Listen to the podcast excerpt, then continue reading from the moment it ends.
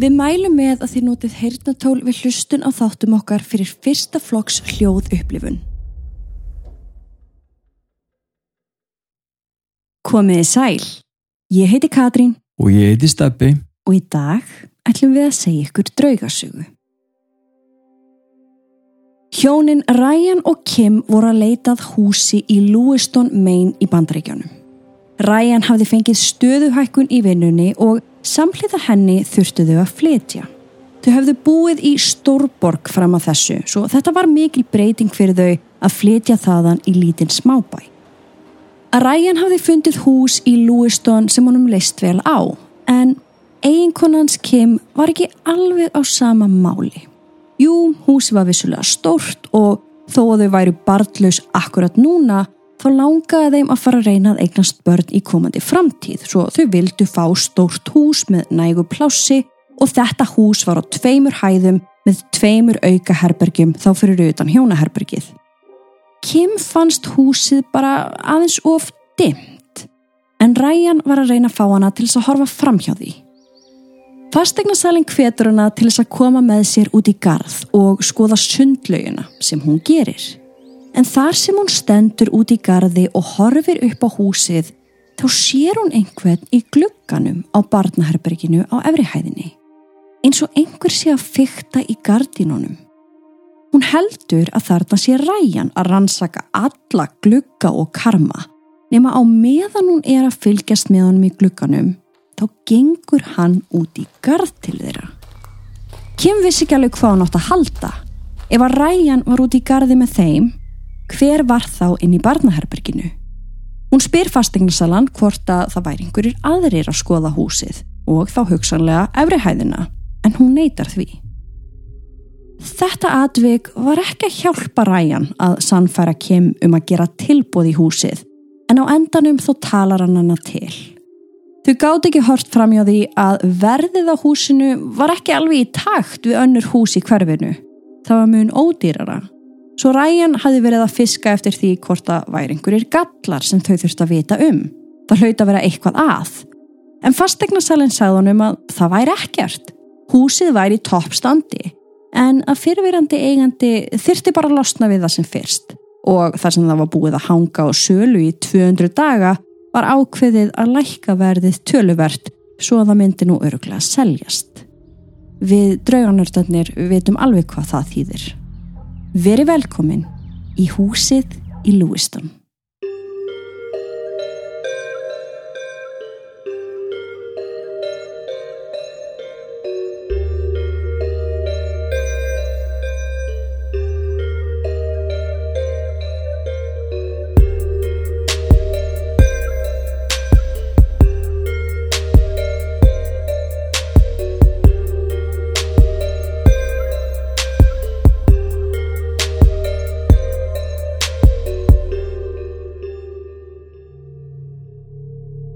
Við viljum minna á að draugarsögurnar okkar eru ekki við hæfi barna yngri en 13 ára nema með leifi fullorna.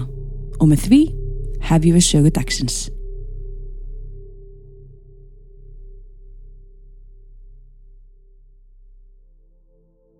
Ryan og Kim fengu aldrei að hitta fyrirverandi eigendurnar en það var húsið tómt hvort sem er og bara komið í hendurnar á fastegnasalanum sem tók glöð á móti undirrituðu kaup tilbúði hjónana sem var á endanum samþygt. Nokkrum dögum setna voru þau komin með liklana í hendurnar. Um kvöldið keiraðu upp að húsinu sem var nú loksins orðið þyrra. Þeim langaði að taka einn ring áður en flutningamennir myndi koma með dótið þeirra daginn eftir. En um leið og þau ganga inn í húsið taka þau eftir því að rafmagnið var greinlega farið af. Það var kolniða myrkur þarna inni. Ryan ætlaði nú samt ekki láta það stoppa sig. Hann saði Kim að myndi ringi rafvirkja morgunin eftir. En að núna ætlaði hann að hlaupa út í bíl og ná í vasaljós sem hann var með í skottinu. Kim ætlaði að hingra á meðan. En þar sem hún stóð í stofunni á neðri hæðinni að býða eftir Ryan, þá fer hún að heyra fótatök á hæðinni fyrir ofan. Og til þess að lýsa húsinu örlítið, þá var stíi upp á aðra hæð, en svo hæð var opin. Sem sagt, hún kofveraði ekki, ef ég leiðum mér að sletta, alla neðri hæðina, heldur var hægt að standa á efri hæðinni við handrið og horfa niður á eldúsið og stofuna. Þetta er svona smá pallur Þetta er eiginlega svona pallur, já, og sömuleiðis var hægt að horfa upp og þá sá maður svefnherbyggishurðir og gangin þannig á efri hæðinni. Já. Kim heyrir greinilega í einhverjum ganga þarna uppi svo hún kallar en fær ekkert svar. Stuttu síðar kemur Ryan inn með vasaljós í höndinni. Hann sér að Kim er greinilega eitthvað smeyk en þegar hann spyr hana hvað hefði gerst, vissi hún ekki alveg hverju hún átt að svara. Svo hún segir honum bara að hún hafi heyrt einhver hljóð koma frá efri hæðinni en að líklegast væri það bara brak og brestir í nýja húsinu. Þó að þetta væri ekkert alltof gamalt hús þá var það byggt úr timbri og við vitum að það geta heyrst alls konar hljóð frá timburhúsum. Öðvitað. Ryan lætur Kim fá vasaljósið en segir henni svo að hann ætla að aðtuga hvort hann get ekki fundið bara rámagstöfluna sjálfur til þess að aðtuga hvort hann get ekki komið bara ljósunum í gang. Mhm. Svo aftur fer hann og skilur Kim eina eftir. En núna með vasaljós. Já, Hún stendur ennþá þarna á neðri hæðinni en hún var ögn rólegri út af því hún var með já. Nema svo sér hún allt í einu lítinn rauðan bolta kastast frá efri hæðinni niður á stofugólfið og hann rúlar eftir gólfinu og undir hillusamstæðu sem stóð þarna uppi veggin. Það hafði augljóslega einhver kastað þessum bolta. Kim herður upp hugan og ákveður að fikra sig upp stegan í myrkrinu með vasaljósið. Hún sá að allar svefnherbyggishurðirnar voru lokaðar eða allar nema einn. Og þegar hún gægist inn um hana, bregður henni heldur betur þegar hún sér fullt af húsgögnum þar inni. Þetta var greinilega barnaherbergi sem hafði ekki verið hreift við í lengri tíma.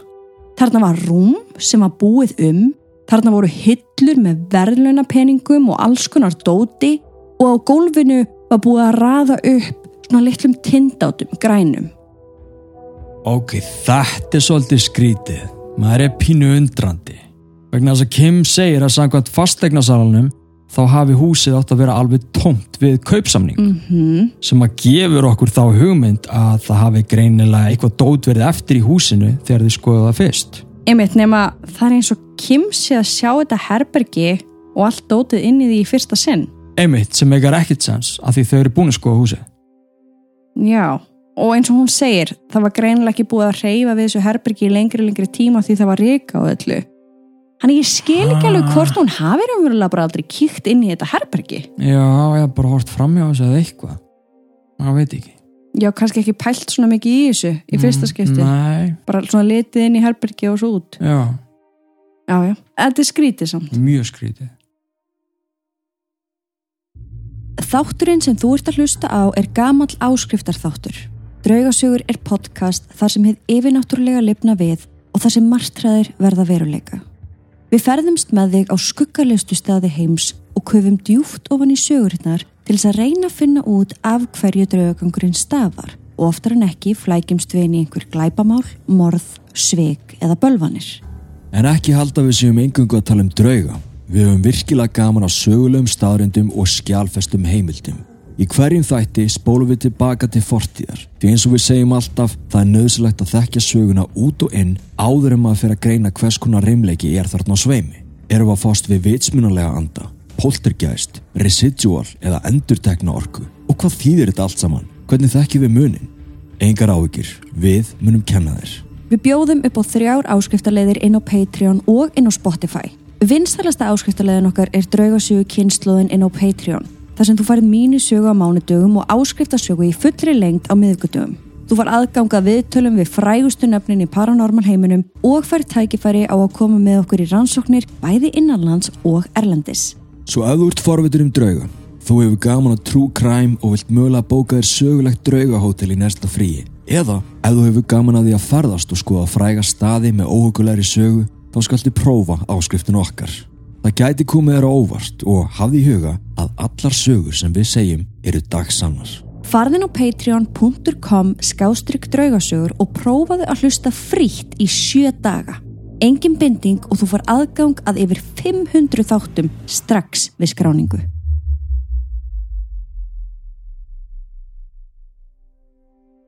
Ryan lofar að hafa samband við fastegnasalan og byggja hana um að hafa samband við fyrirverandi eigandan og byggja hann um að fjarlæga dótið úr barnaherberginu. Mm -hmm. Dægin eftir kemur flutningabílinn með dótinu þeirra og þau byrja að koma sér fyrir. Þau voru spennt fyrir komandi tímum og þannig til fastegnasalan myndi ná í eigandan þá höfðu þau barnaherbergi bara lokað. Nefna síðan var liðin veka og þau höfðu ekkert heyrt tilbaka svo að Ryan ákveður að tæma herbergi sjálfur. Mhm.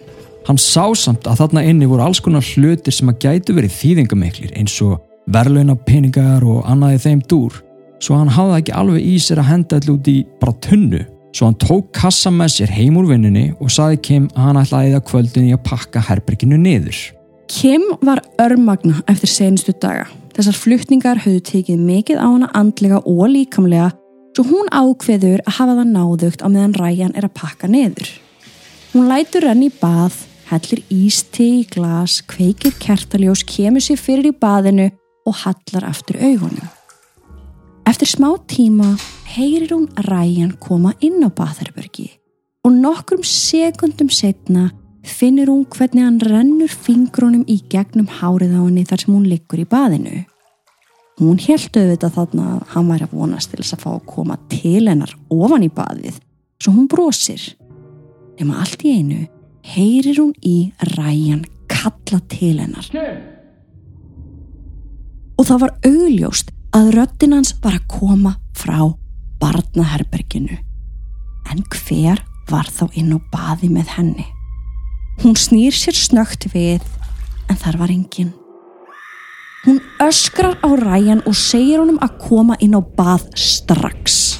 Hann kemur hlaupandi og sér þá eiginkonu sína með uppglent augu, hríðskjálfandi með hangklæði vafið utanum sig, sitjandi á gólfinu. Hún var greinilega í miklu uppnámi.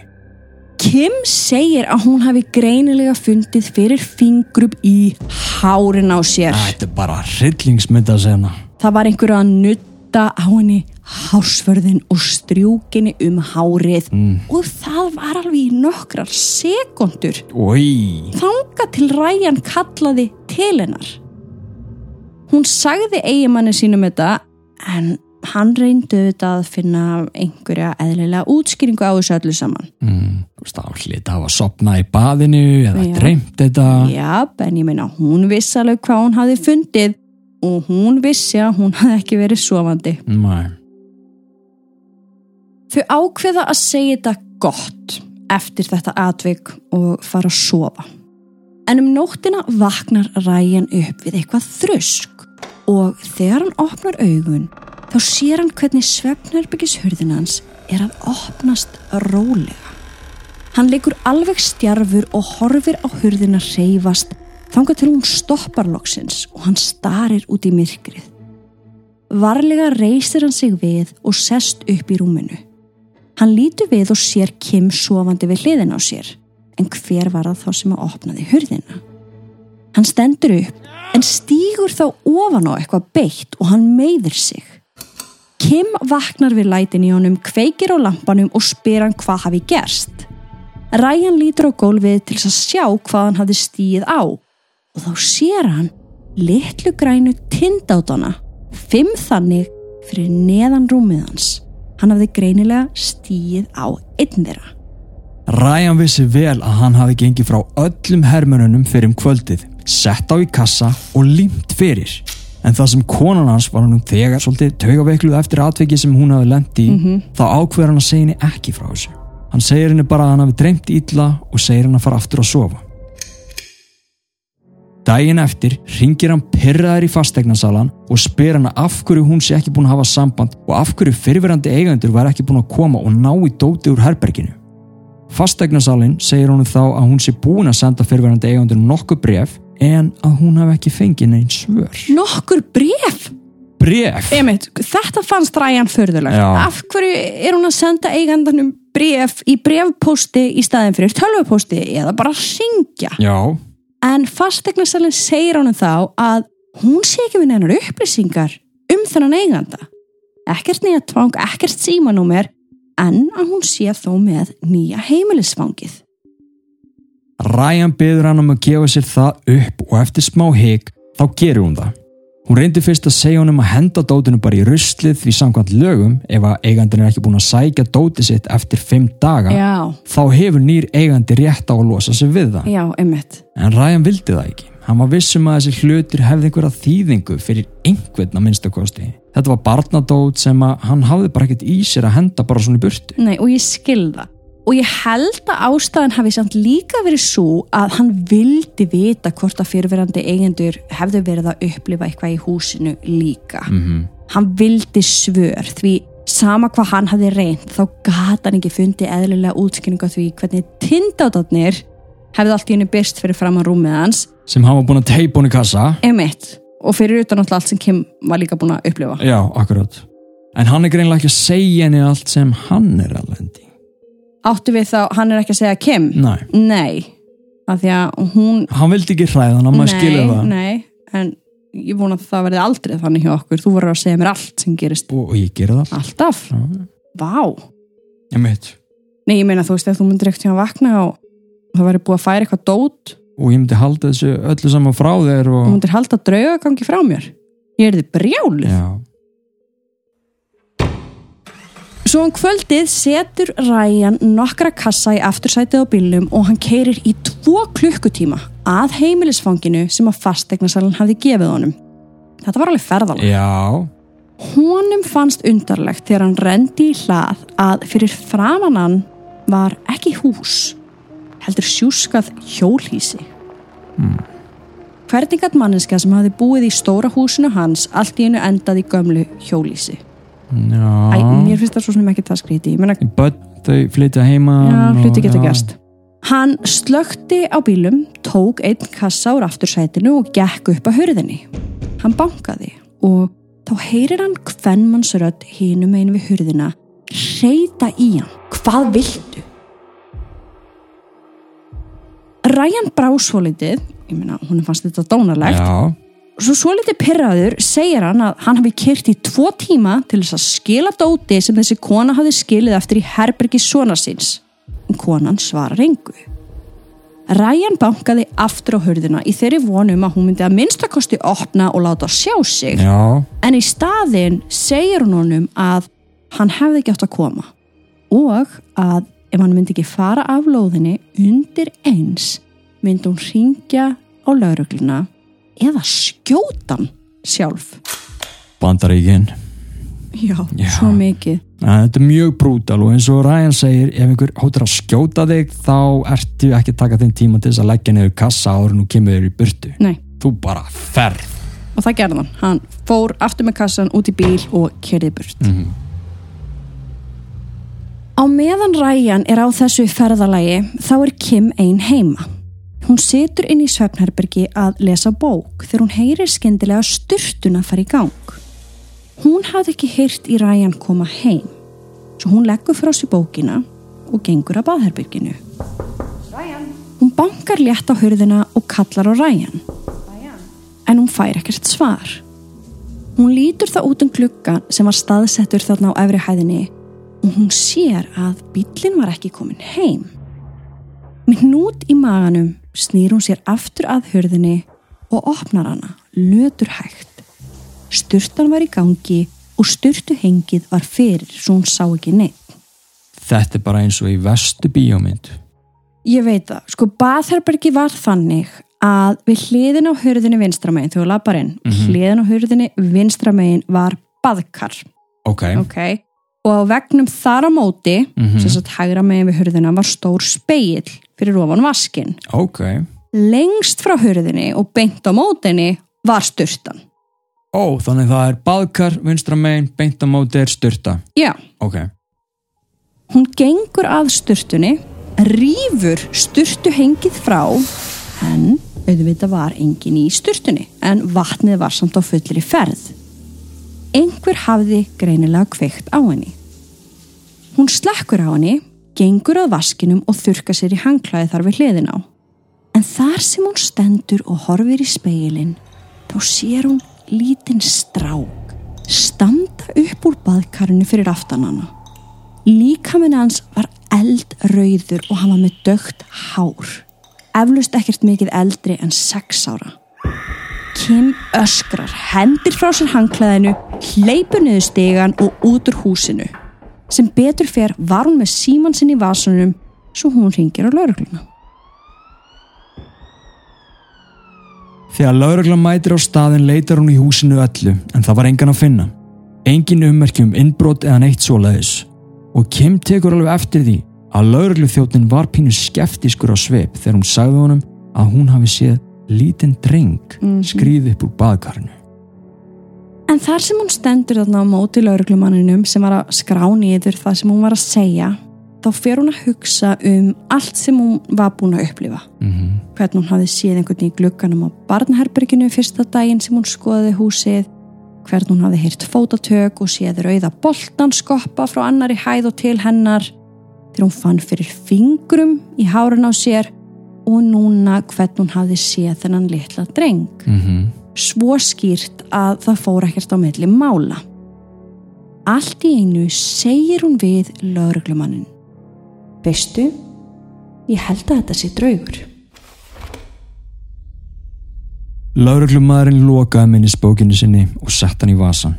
Síðan andvarpaði hann og nutta á sér augun. Kim vissi alveg hvað þetta hljómaði. Hún hafði ekki mikið verið að hugsa um drauga. Hún vissi ekki eins og almennilega hvort hún trúða drauga.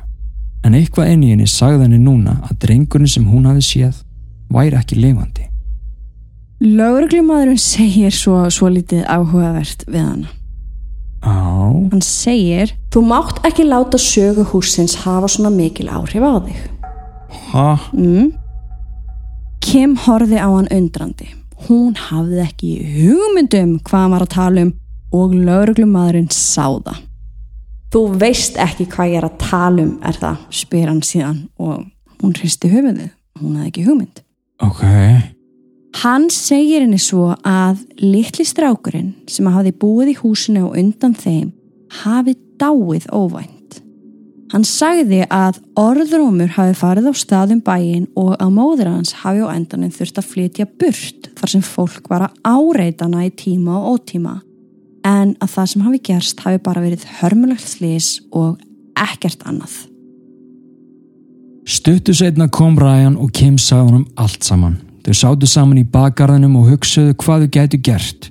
Þau voru búin að eyða öllu sínu spari fyrir í þetta hús. Þau gáttu ómögulega flutt út. Fyrir utan þá staðrind að húsið var ekkert að seljast til þess að byrja með. Það hefði verið á sölu í 200 daga áður en þau keftu það.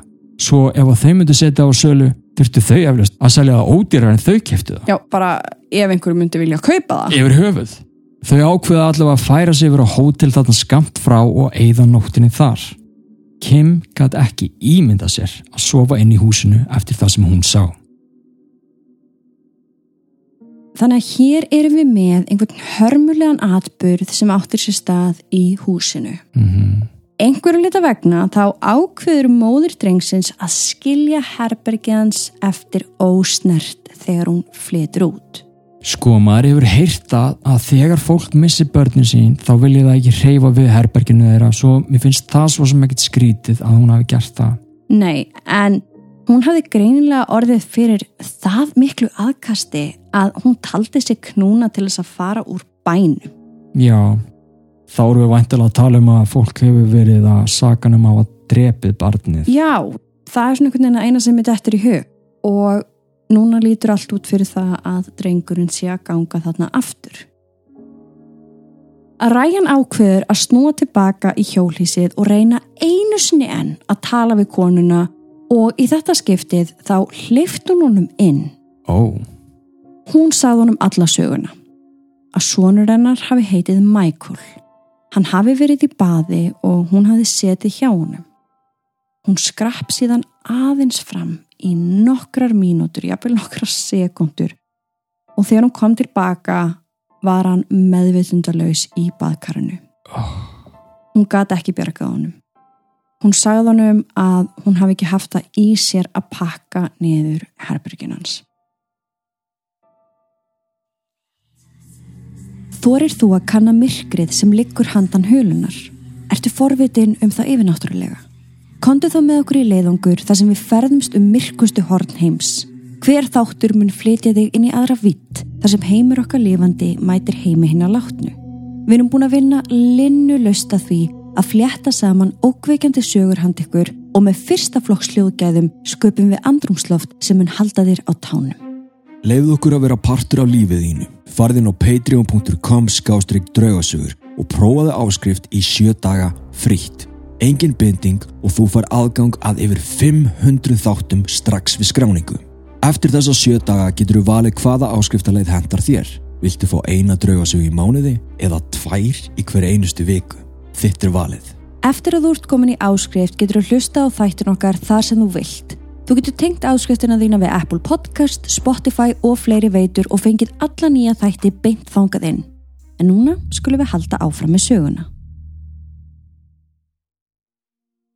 Ryan sannfærði konuna um að koma með sér í húsið sem að hún gerði.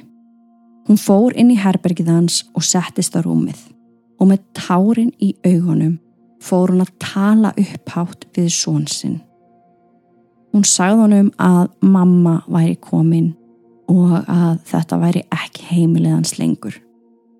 Núna byggi nýtt fólk í húsinu og að mamma væri flutt og hún gráð baðan um að koma með sér heim.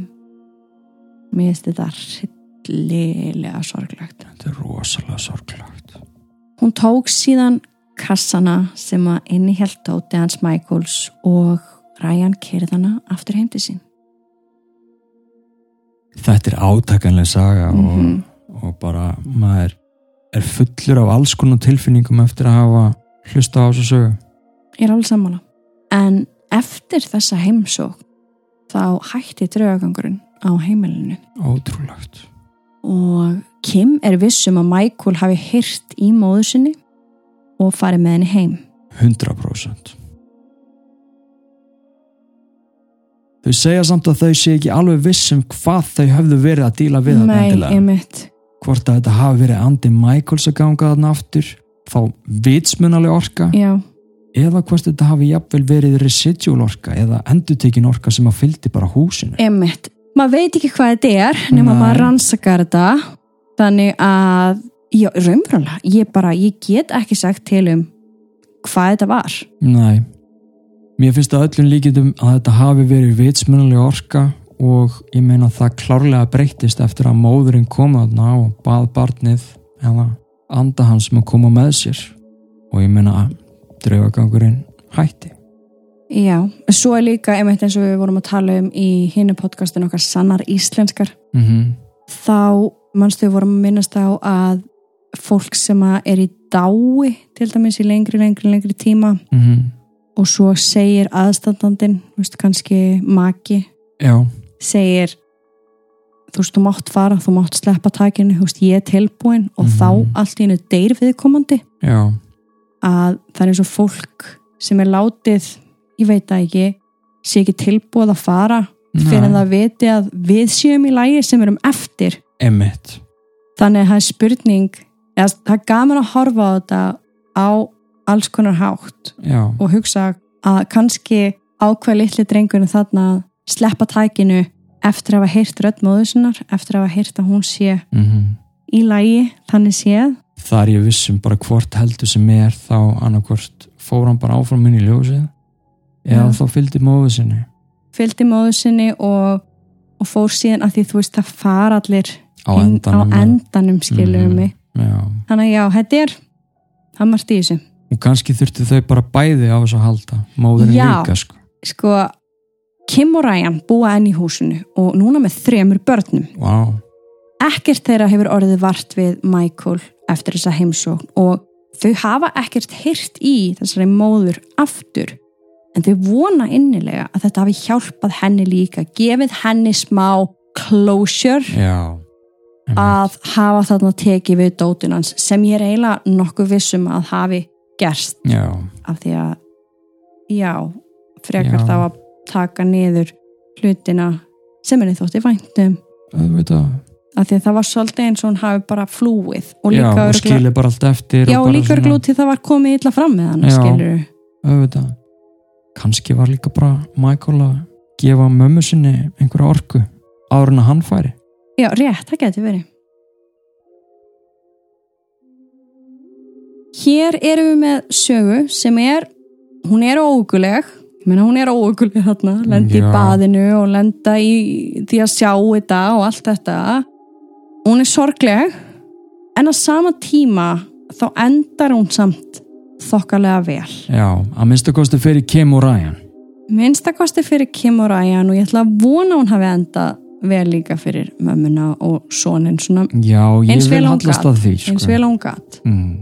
Ég er nokkuð vissum að það geti ekki allir haldið áfram að búa í húsinu þar sem að barn lést á svona skelvilegan og sorglegan hátt Nei, en aftur eins og við töluðum saman um í sannum íslensku um tægin mm. maður veit aldrei hvað er búið að gerast í húsinu eða íbúðinni áður en maður fleitur inn Það segir þið satt Takk fyrir að hlusta á draugasögur. Þessi þáttur er gammal áskriftaþáttur og ef þér líkar efnið, nennið þó please að setja 5 stjörnur á þinni hlaðvarpsveitu og segið öðrum frá.